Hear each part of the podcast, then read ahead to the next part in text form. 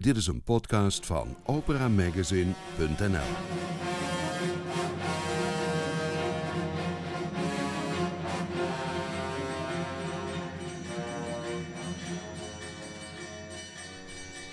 Welkom in Studio Nibelheim.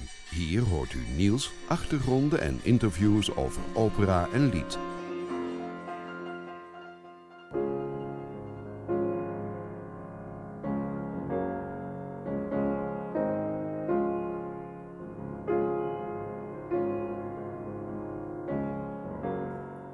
Festivaldirecteur Guy Kolen moest met zijn team besluiten dat de Operadagen Rotterdam, het zou de 15e editie worden, niet door kon gaan. Hij werkt thuis in Antwerpen en tussen het zorgen voor zijn festival en de artiesten door maakt hij wandelingen door zijn stad. Rotterdam en Antwerpen zijn beide grote liefdes. Als ik, als ik niet in Antwerpen zou wonen, zou ik onmiddellijk daar gaan wonen. Een nog grotere liefde is het theater. Als je met mensen samen iets beleeft, dat is iets wat je nooit kan hebben als je gewoon naar, naar een schermpje zit te kijken. Voor mij is het, het luisteren naar een live iets ja, honderd keer belangrijker. En, de, en, en ook, je wordt zo beïnvloed door mensen rondom je. En dat daarna kunnen delen met mensen, dat is het mooiste wat er is. Door zijn werk ontmoet hij interessante mensen, zoals deze vrouw, die hij op een bijzonder moment ontmoette. Het was. In Brussel, een paar jaar geleden, dat was de dag van de aanslagen in uh, Zaventem, in de luchthaven. En uh, we hebben elkaar, we hadden elkaar nog nooit ontmoet in een, uh, in een chique brasserie ergens, achter de Muntschouwburg.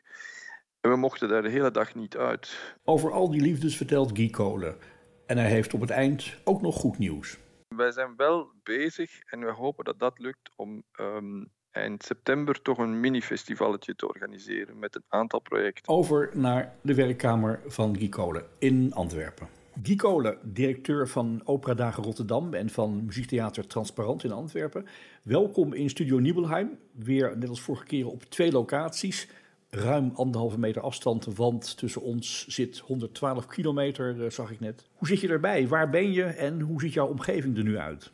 Ik zit nu in Antwerpen thuis, iets wat me niet zo vaak voorkomt uh, in het jaar, uh, want ik ben eigenlijk gewoon meestal de helft van het jaar weg. Um, en dat is ook mijn, mijn leven natuurlijk. mensen ontmoeten, internationaal, maar ook, ik ben ook veel in Nederland, denk ik de helft van de tijd. Maar Antwerpen, ik ben er geboren. Het is ook gewoon nog altijd mijn uh, thuisstad, naast Rotterdam dan wel. Maar hier kom ik toch meestal tot rust. En ik ben wel blij dat ik hier ook gewoon zit. Ik heb een fijn oud uh, herenhuis uh, in, in Antwerpen. Um, met een tuin. Dus ik, ik klaag niet in deze tijd. En ik zit op wandelafstand van de Schelde. Dus ik mag ook gewoon mooie tochtjes maken. Dus ik, uh, voor mij is het een soort uh, sabbatical die ik beleef, uh, wat ik een soort rust heb, wat ik normaal niet heb. En, wat ik, dus um, ja, daar zit ik nu. Het klinkt een beetje als het zuid, klopt dat? Ik zit in het noorden van Antwerpen. Oh. Ik zit eigenlijk, maar de, het is wel zo dat de buurt waar ik woon, ik woon hier nu 20 jaar en 20 jaar geleden zei iedereen dat ik gek was dat ik hier kwam wonen, want dat was een heel beetje marginale buurt. Um, maar nu is het eigenlijk het nieuw Zuid. Oh, het klinkt een beetje raar, maar het Zuid was in de jaren 80, 90 heel hip. En nu komen alle nieuwe cafeetjes en restaurantjes en de nieuwe buurt uh, uh, hier waar ik nu woon. Dus ik heb een goede keuze gemaakt. En het grappige is, als ik van mijn huis naar het station moet, wat ik dan wekelijks een paar keer doe om naar Rotterdam te gaan, uh, fiets ik door de Rotterdamstraat. En de Rotterdamstraat was de oude spoorlijn uh, van Antwerpen naar Rotterdam. Dus het kan eigenlijk niet symbolischer. Antwerpen, jou, ja, je geboortestad, je zei het al. Uh, normaal stel ik gasten voor door ze wat te laten zingen, maar jij zingt volgens mij vrij weinig, althans niet wat ik weet. Maar laten we Antwerpen even laten beschrijven door iemand die de stad misschien ook goed kent. Wie, wie zou jij kiezen als iemand die mooi over Antwerpen zingt?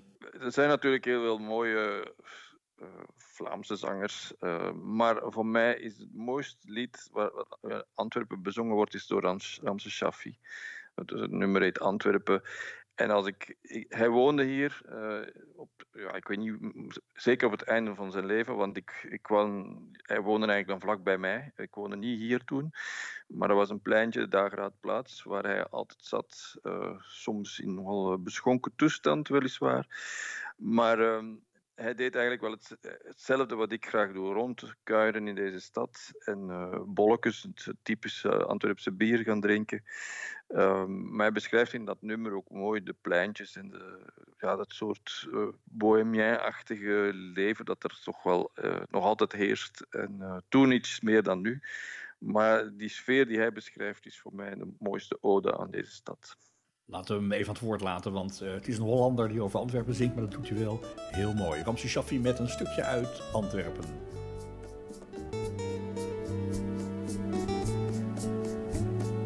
Antwerpen is geen eeuwigheid, een oude stad in mijn eigen tijd. Antwerpen is verbondenheid tussen jou en mij. Ik wil je nooit meer kwijt. Antwerpen is uitbundigheid met een glimlach van verlegenheid. Antwerpen is zottigheid met natte wangen als je ogen schreien. Antwerpen is licht van zin en heilzaam voor mij, omdat ik jou bemin. Antwerpen is een Don Quixote, een ridder, senior en een malgod. Antwerpen is een Rubensvrouw, een hoer een madameke met een hondje aan een touw. Antwerpen met je innemende taal. Antwerpen, je bent mijn verhaal. Antwerpen is Conscienceplein. Antwerpen is het Bourgondische leven. Antwerpen heeft geen sluitingstijden. Je gaat s'morgens naar bed op wat weg half zeven. Antwerpen is de dageraadplaats met een eigen ziel en een eigen volkje waar voetbal tegen de kerkramen kaatst. En hier drink ik mijn en niet verlaatst.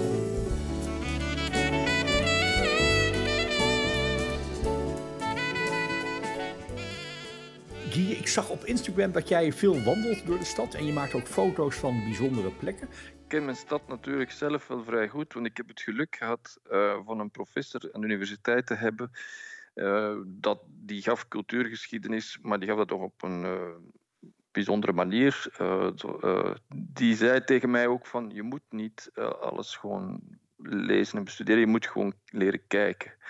En je moet vooral naar gebouwen naar boven kijken. En wat er, eh, als je ook in een winkelstraat kijkt naar boven en leer te zien wat, er, wat de geschiedenis van zo'n gebouw is. En dat is het mooiste cadeau wat ik uh, heb gekregen. En het komt me nu erg van pas, want ik, uh, ik, ik hou enorm van gebouwen ja, bekijken wanneer ze gebouwd zijn. Of te denken van wat is er hier met dat gebouw gebeurd.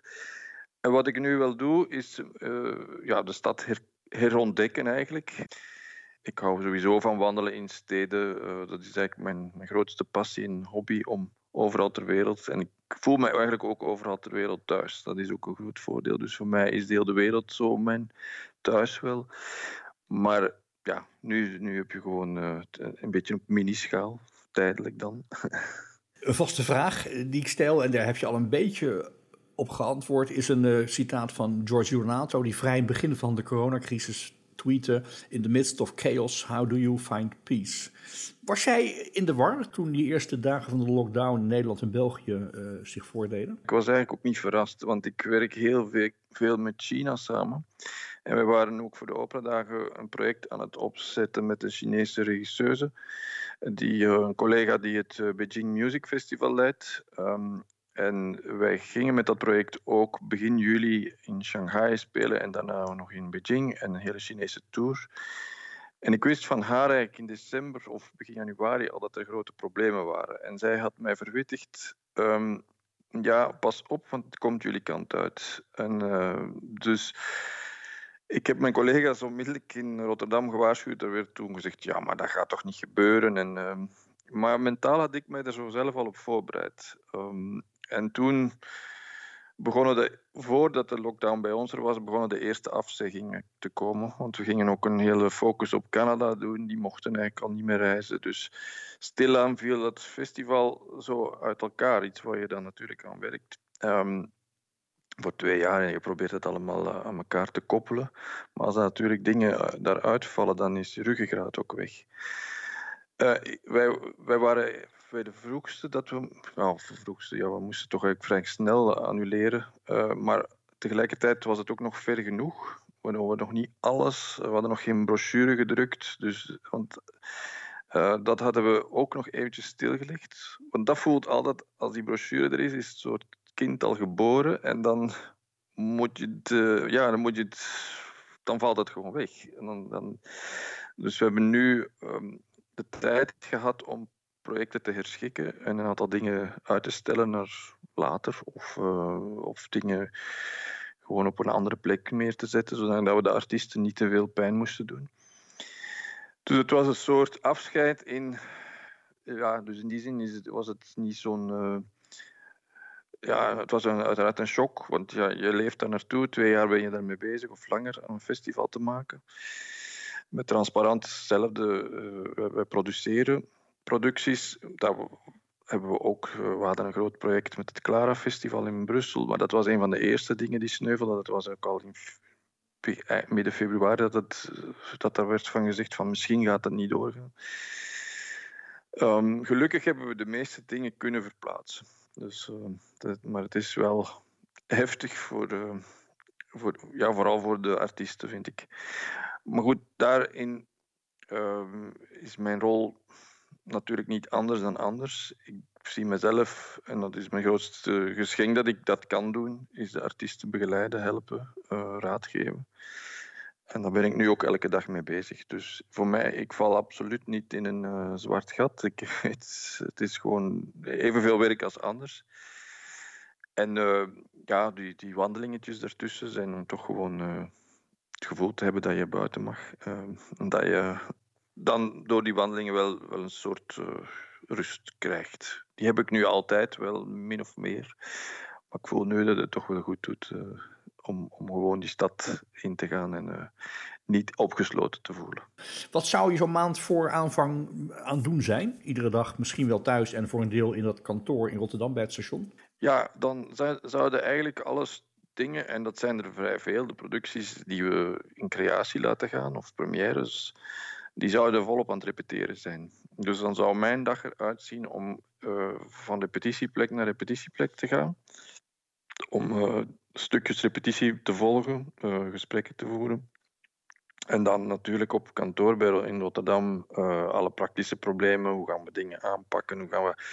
we zouden nu in een fase zitten dat we echt met de aankleding van de Schouwburg en hoe gaan we die opening exact doen, dat soort dingen. Dus en het, het, hele creatieve proces zou dan volop in gang zijn. Dat, uh, we zijn ook. Uh, we hadden eigenlijk twee mooie openingsprojecten. Um, dat zijn twee stadsprojecten. Eén is het uh, slot van wat Arlon Luiten heeft gedaan, de Ring of Resilience. Het, heeft er vier jaar rond gebouwd en zou nu het afsluit, deel zijn met een groot, uh, een groot event. Dat zou onze opening ook geweest zijn. Een stadsopera voor honderden mensen, volgens mij, zouden aan, daaraan deelnemen. We hadden twee. Dus eentje is Home Sweet Home. Dat, is een, uh, dat zouden we op de middag doen. Dat was met honderden mensen om rond het Afrikaanderplein. Um, een beetje wat we vorig jaar gedaan hebben met Orfeo en Majnoon, het project. Er waren uh, zoveel mensen die eraan meegewerkt hadden, verschillende, denk 50, 60 tal verschillende groepen, die allemaal graag een nieuw project wilden doen. Dus dat uh, was sowieso de bedoeling om dat te doen. Uh, dat zouden we dan later samensmelten, ook bij de opening met dat grote project met Arlon, waar ook uh, ja, CODAR-studenten, een orkest van 100 mensen en zo aan zou meedoen. Dus dat zijn allemaal dingen die we ja, gewoon helaas nu niet kunnen doen. met dat project van Arlon zijn we sowieso wel iets van plan als het allemaal mag en kan uh, in de toekomst. Um, want dat is te mooi om het, omdat het drie jaar al uh, heel mooi. Dat ging rond de ring van Wagner en alle problemen die er zijn met de ecologie, met onze manier van samenleven. Dus dat was een project dat zo actueel is dat we dat niet kunnen laten gaan. Want het gaat eigenlijk, het laatste deel was ook een beetje. Het, gaat, het ging over de Götterdämmerung. Dus um, wat gebeurt er na de finale crisis? Dus um, het was actueler dan ooit plots. Het was een beetje beangstigend zelfs. Het andere project was de Home, Home Sweet Home. Is ook zeer actueel, want plots is dat thuis zijn. Uh, ja, dat was ook ons thema, wat uh, thuis en wat is dat gevoel van thuis, heeft plots een hele andere invulling gekregen. Want we kennen het allemaal wat thuis is. Maar daar gaan we wel iets mee doen. We gaan dat online verder zetten. Daar zijn we volop mee bezig. Dus die mensen die aan dat grote stadsproject rond het Afrikaanderplein, die zijn we nu volop bezig met, uh, met Rajiv, een van onze medewerkers die dat project, project begeleidt, en Kempe de Jong. Die, gaan, die zijn nu bezig met een, een project te ontwikkelen dat tijdens de operadagen online zal verschijnen. Omdat we vinden, die energie die er eerste, die was te mooi om die te laten ver, verloren gaan. Ik wil het heel graag met je hebben, dat moeten we dadelijk doen, over de plaats van kunst in deze tijd. Want daar wordt veel over gepraat. En um, nou ja, wat je aangeeft is eigenlijk een hele concrete manier waarbij mensen betrokken zijn bij kunstprojecten in een tijd waarin dingen gebeuren.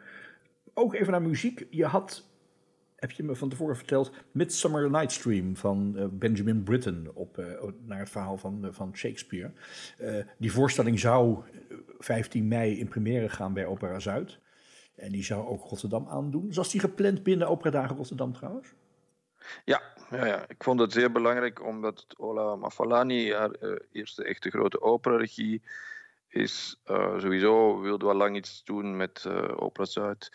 En dan zeker met deze opera, omdat het natuurlijk voor mij dan gaat over het spel en over de droom en het repeteren. Het, hoe, hoe breng je dat de energie die er in dat stuk zit? Het is een stuk dat helaas niet zoveel gespeeld wordt, omdat het ook groot is. Dus we waren blij dat we met zo'n grote opera ook, uh, dat we die ook in de operadagen konden hebben. Het was niet de enige. We hadden ook Usher, een nieuwe opera. We hadden nog um, Beethoven-project. Dus we hadden ook een stevig uh, echt opera-pakket. Maar dit voor mij is. Uh, ik heb het stuk in de eerste keer live gezien uh, als, als jongere in de regie van Robert Carson. Dat is mij zo bij, bijgebleven. Vond het een zeer, magisch stuk. En op in het slot is het ook zo positief van laat ons gewoon dromen en kijken. We repeteren gewoon voort en, en we, we, we, werken aan deze toekomst. En ik vond die, die positieve boodschap en dat spel daarin zeer belangrijk. Mm. We horen eerst dat jongenskoortje, vier jongens volgens mij, en dan later Oberon. Uh, in die opname, want jij noemde vooral de opname die gemaakt in 1967 voor Decca, met Benjamin Britten zelf voor het orkest. En uh, daarin zingt Alfred Deller de rol van Oberon. En dit is dan het slot van Midsummer Night's Dream. Now the Hungry Lion Roars. Benjamin Britten met tekst van William Shakespeare.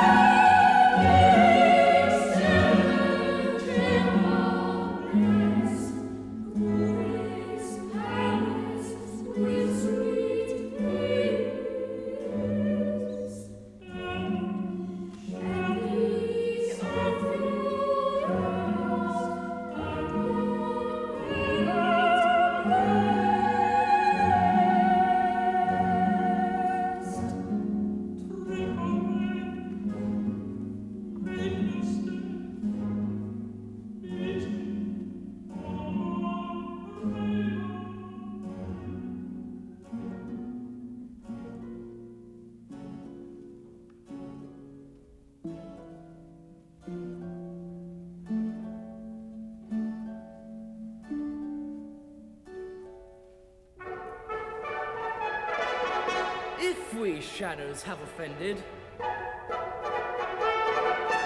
Think but this, and all is mended. That you have but slumbered here, while these visions did appear.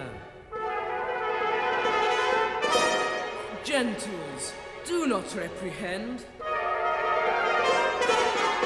If you pardon, we will mend, else the puck a liar call. Night unto you all. Give me your hands if we be friends, and Robin shall restore amends.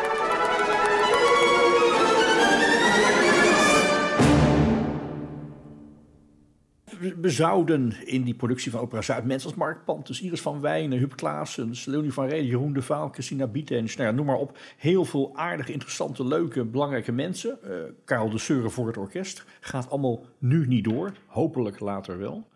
Het is een rotvraag en ik ga hem toch stellen. Wat vind je nou gewoon persoonlijk als mens, als muziekman, als theaterman... het meest jammer van wat er niet doorgaat in het programma van dit jaar van Opera Rotterdam? Ja, ik was... Um zelf heel ontgoocheld dat we iets wat ik al lang heb uh, voor geprobeerd, is om een nieuwe productie met de Wende bij ons te hebben. En we hadden die nu eindelijk. Ik ben ook een beetje uh, betrokken bij dit project, omdat uh, Wende zat in het project Fast Forward, dat is een programma van, de, van het Fonds Podiumkunsten, waar makers die uh, nationaal een grote roem hebben, maar internationaal nog een, een duwtje in de rug kunnen gebruiken. Daar zit ik in, het, uh, in de jury, in de commissie. En Wende heeft daar uh, geld gekregen voor een ontwikkeling. En, zij, en ik heb haar daar een beetje kunnen bij helpen ook. En zij heeft, nu, zij heeft nu een nieuw project dat samengemaakt zou worden met de Royal Court in Londen. En dat zou haar eerste volledig Engelstalige uh, programma zijn. We hebben met de Opera-dagen ook nog wel de ambitie om, om nationaal belangrijke dingen uh, te hebben. En um, dat is ook naar onze toekomst toe willen we meer een rol gaan spelen daarin. En we dachten, ja, nu hebben we iets waar heel Nederland uh, naar Rotterdam afzakt om naar die première van Wende te komen. Wat maakt Wende Snijders bijzonder? Ja, ik denk één, haar, uh, haar brede kijk op de wereld. Het is een uh, ongelooflijk. Ik, ik denk aan, als ik aan twee mensen denk waar ik veel aan heb, als ik, dan denk ik aan Clara McFadden en Wende ze vullen elkaar misschien wel aan, maar het zijn twee mensen die mij enorm inspireren, die ook een heel open blik op de wereld hebben en die mij verrassen elke keer, wel vocaal, eh, maar ook gewoon in hun, in hun uh, nadenken over de, wie ze zijn, hoe ze zijn. Als je met die twee dames de stad in mag lopen. Dan... Ik heb Wende ook uh, op een heel bizarre manier ontmoet, want ik kende haar van naam, maar ik kende haar helemaal niet persoonlijk. Ik kende haar muziek een beetje toen ik in, de, in die commissie zat voor Fast Forward. Toen ik heb haar voor het eerst ontmoet in Brussel. Een paar jaar geleden. Dat was de dag van de aanslagen in uh, Zaventem, in de luchthaven. En ik was in het station net voor de aanslag. We hadden afgesproken om negen uur. Zij ook. Uh, we, hebben elkaar, we hadden elkaar nog nooit ontmoet. Ontmoet in een, uh, in een chique brasserie ergens, achter de Muntschouwburg. En we mochten daar de hele dag niet uit. Um, dus het was een zeer bizar ding. We zijn toch de straat opgelopen die helemaal verlaten was. We zijn in stations geweest waar niemand was. En zijn we uh, uiteindelijk met iemand kunnen meerijden richting Antwerpen. Maar het was een heel bijzonder en zo'n bond die we hebben samen. Die uh, lijkt wel. Ja, we hebben zo van die memorabele momenten nu dit weer. Dus uh, wat, die, wat die twee dames kunnen met ja, met een hele range van hun stem vind ik fantastisch. Maar vooral, ja, ze zijn zo inspirerend om mee te praten. Ik krijg er enorm veel energie van. Ik heb, ik heb het geluk gehad, goed bevriend geweest te zijn met Gerard Mortier en met Hugo Claus. Dat waren twee mensen die mij ook enorm veel... Uh, als je daar terug van kwam, dan, was je helemaal opgeladen. Positiviteit. Van, en dat heb ik bij deze twee dames ook. Dus daar gaat het over. Dat echte artiest zijn. En dat, dat vind ik puur son. En ik vind die ook alle twee heel down to earth. En je kan er heel uh, nuchter mee praten. Het is geen capsones of wat dat ook. Uh, tenminste, naar mij toe niet. Misschien naar anderen wel. Maar... Ze hebben humor? Ja, ze hebben zeker veel humor. En ik kan er goed mee lachen. Dus het is de perfecte combinatie. Daarom denk ik dat het wel goed klikt. Je hebt uh, me aangegeven dat je graag een stuk van Wende wilde horen. Vrijme, ja. uh, van haar, uit haar programma Mens, volgens mij. Hè, dat vorige programma wat heel succesvol was. Ik vind het zo'n intens nummer. Ik vind uh, ja, gewoon, heel ontroerend mooi. Dus ik kan er niet meer over zeggen dan dat. Laten we gaan luisteren naar Wende Vrijme uit het programma Mens. Tekst van Dimitri Verhulst.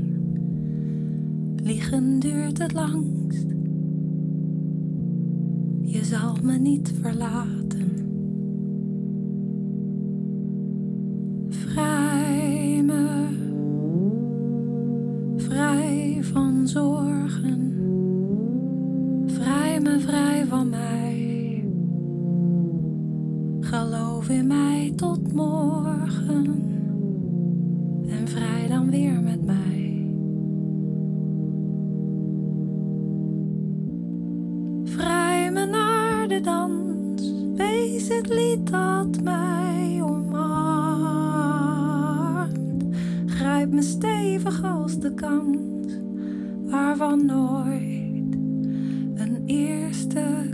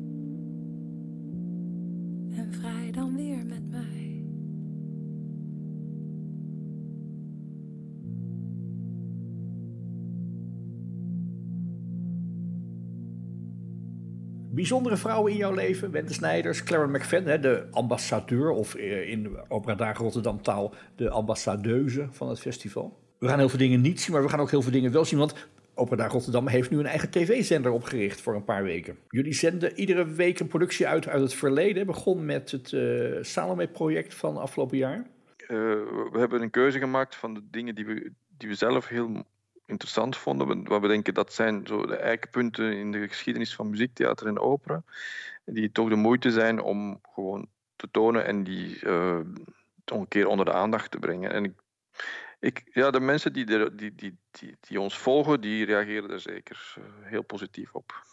Het festival Open Dag Rotterdam, we hebben het er steeds over. Hè? Een festival wat zich heel erg onderscheidt van vrijwel alle andere evenementen in Nederland. Omdat het een heel eigenzinnige programmering kent van vaak varianten op klassieke opera en hele vernieuwende dingen. Je maakt in, uh, tijdens Opera Rotterdam maak je echt wat mee op hele verschillende plekken. heb je een soort relatie opgebouwd met Rotterdam door de jaren heen? Ik ben eigenlijk vanaf het begin dat ik bij Muziektheater Transparant werkte, gaan samenwerken met Rotterdam. Dat was toen met Jan Zoet, die de directeur van de Schouwburg was. Ik ken die stad al ja, bijna 30 jaar. Dus ik heb ze ook heel erg zien evolueren. Ik ken ook uh, bijna, niet elk, maar toch bijna uh, de helft van de plekken die er zijn in Rotterdam, ondergronds, bovengronds. Ik heb zoveel locatiebezoeken gedaan op zoek naar bijzondere plekken. Uh, dat ik denk dat ik die stad bijna even goed ken als Antwerpen.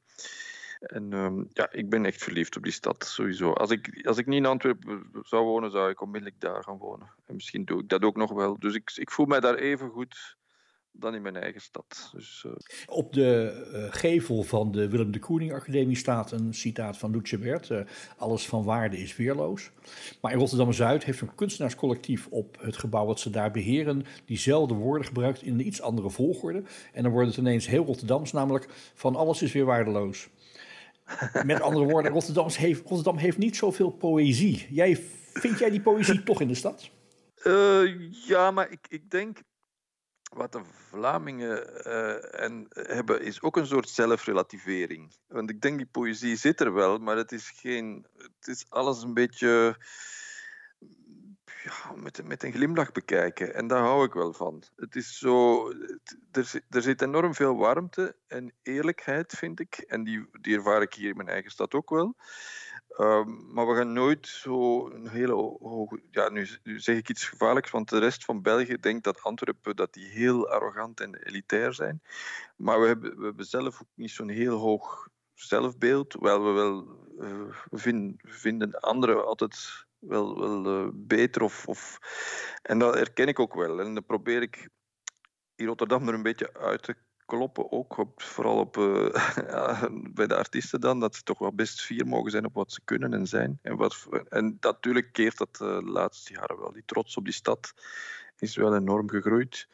En dat is in Antwerpen ook zo gebeurd, want dat was toen met Antwerpen 93, toen Antwerpen culturele hoofdstad is geworden, is er plots ook zo'n, dat is natuurlijk al iets langer geleden, maar dan is ook die, die omkering, dan hadden we ook een sterke uh, wethouder voor cultuur die ons uh, nu musea heeft gegeven en een hele...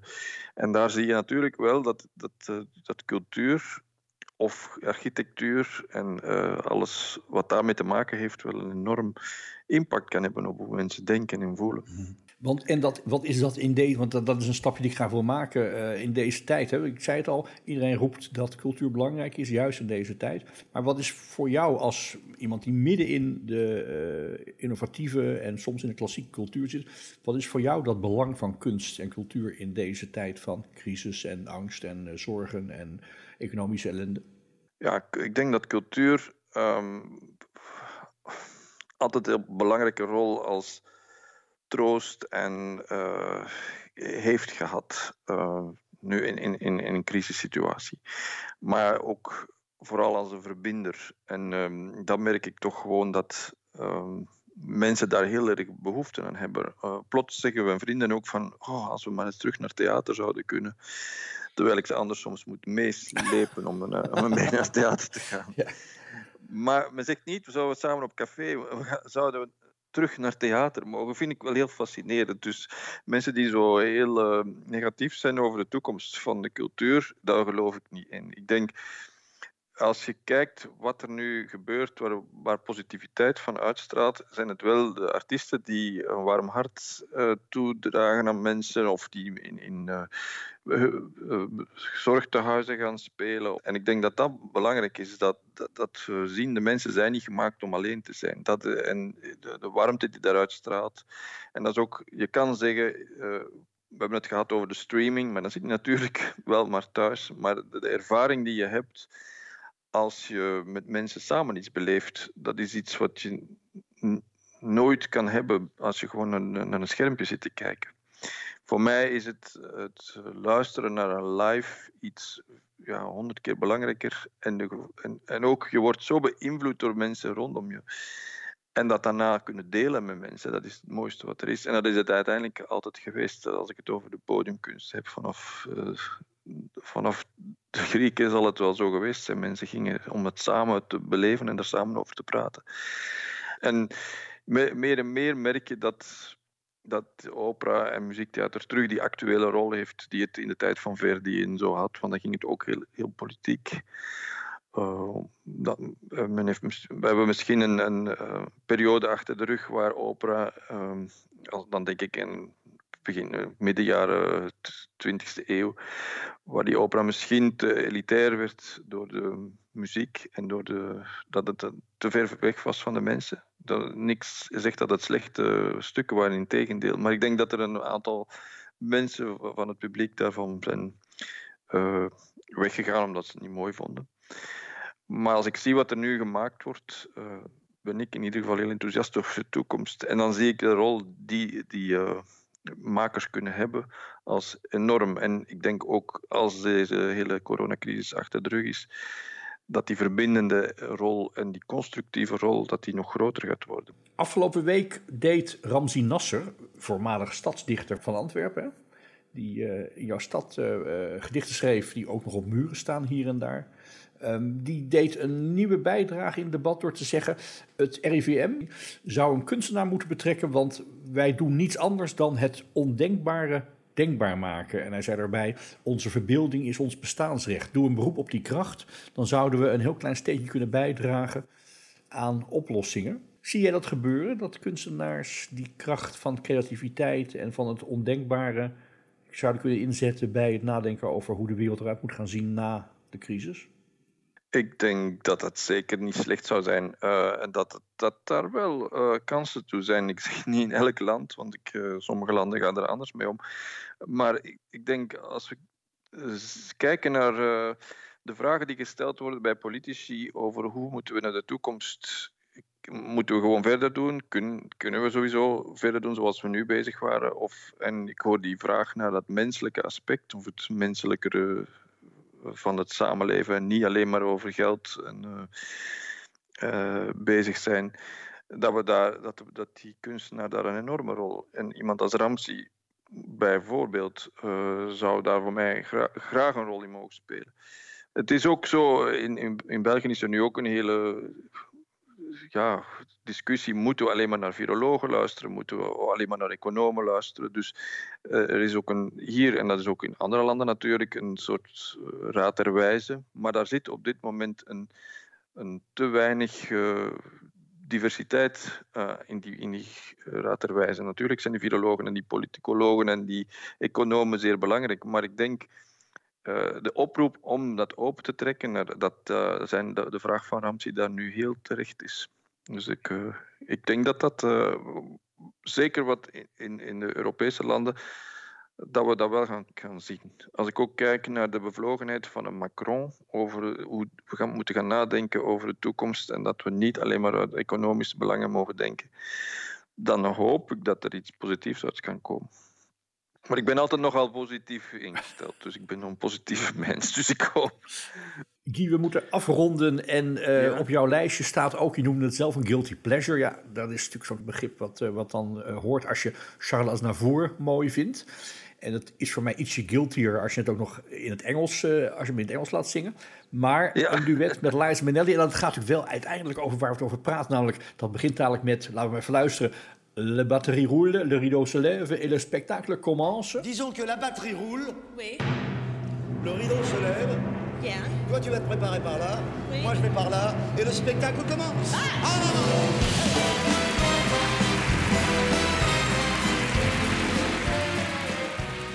Het begin van een voorstelling, dat heeft iets magisch. Hè? Is dat ook wat je fascineert aan dit nummer? Ja, het is, het is een zeer raar nummer. Het is, uh, wat je hebt natuurlijk heel, al die mooie liedjes van Aznavour, waar ik een enorme fan van ben. Want ik vind hem echt de troubadour van, uh, ja, van mijn jeugd. Dat nummer met Liza Minnelli, dat hij gemaakt heeft. Liza komt uit zo'n andere context en toch vinden ze elkaar. En die spanning die opgebouwd wordt, de intro duurt zo lang en je denkt, wat gaat er eigenlijk gebeuren? Dat is het moment waar je naar uitkijkt.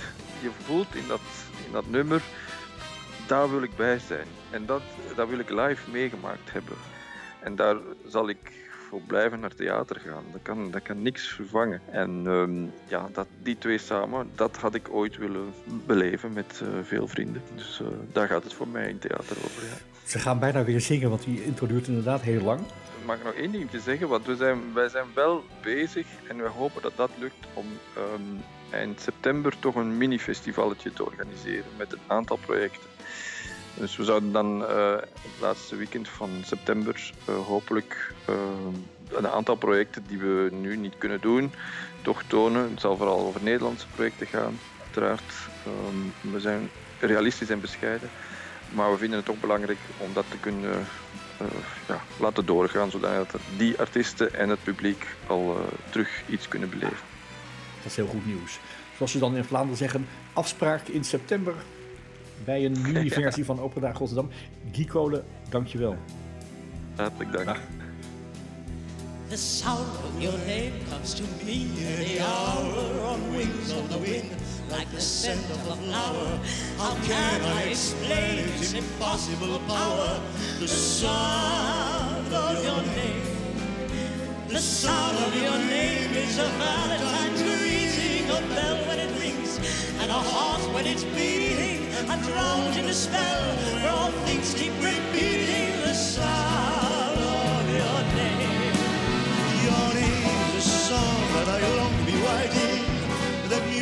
and the words are inviting. A changeable melody, strangely exciting. I found in your name. The sound of your name can bring times of desire that flares like a flame as it climbs ever higher. That burns in my senses and turns them to fire. The sound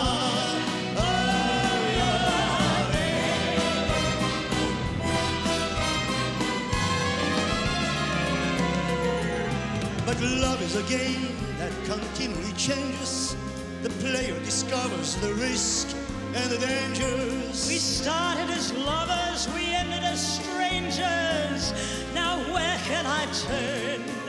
Your name is the ghost of a chance that you gave me to bring to the dance. Just, Just enough to enslave me, alone in my grief.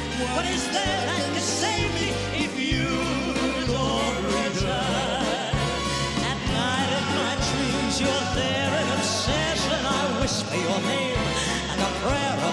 of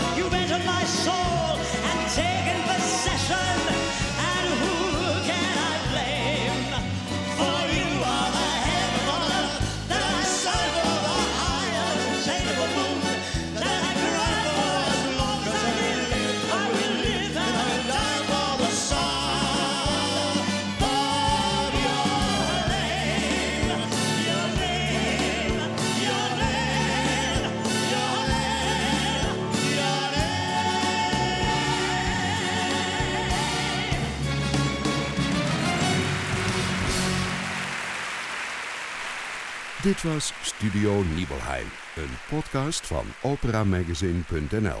Productie François van den Anker. Kijk voor al het opera nieuws op www.operamagazine.nl.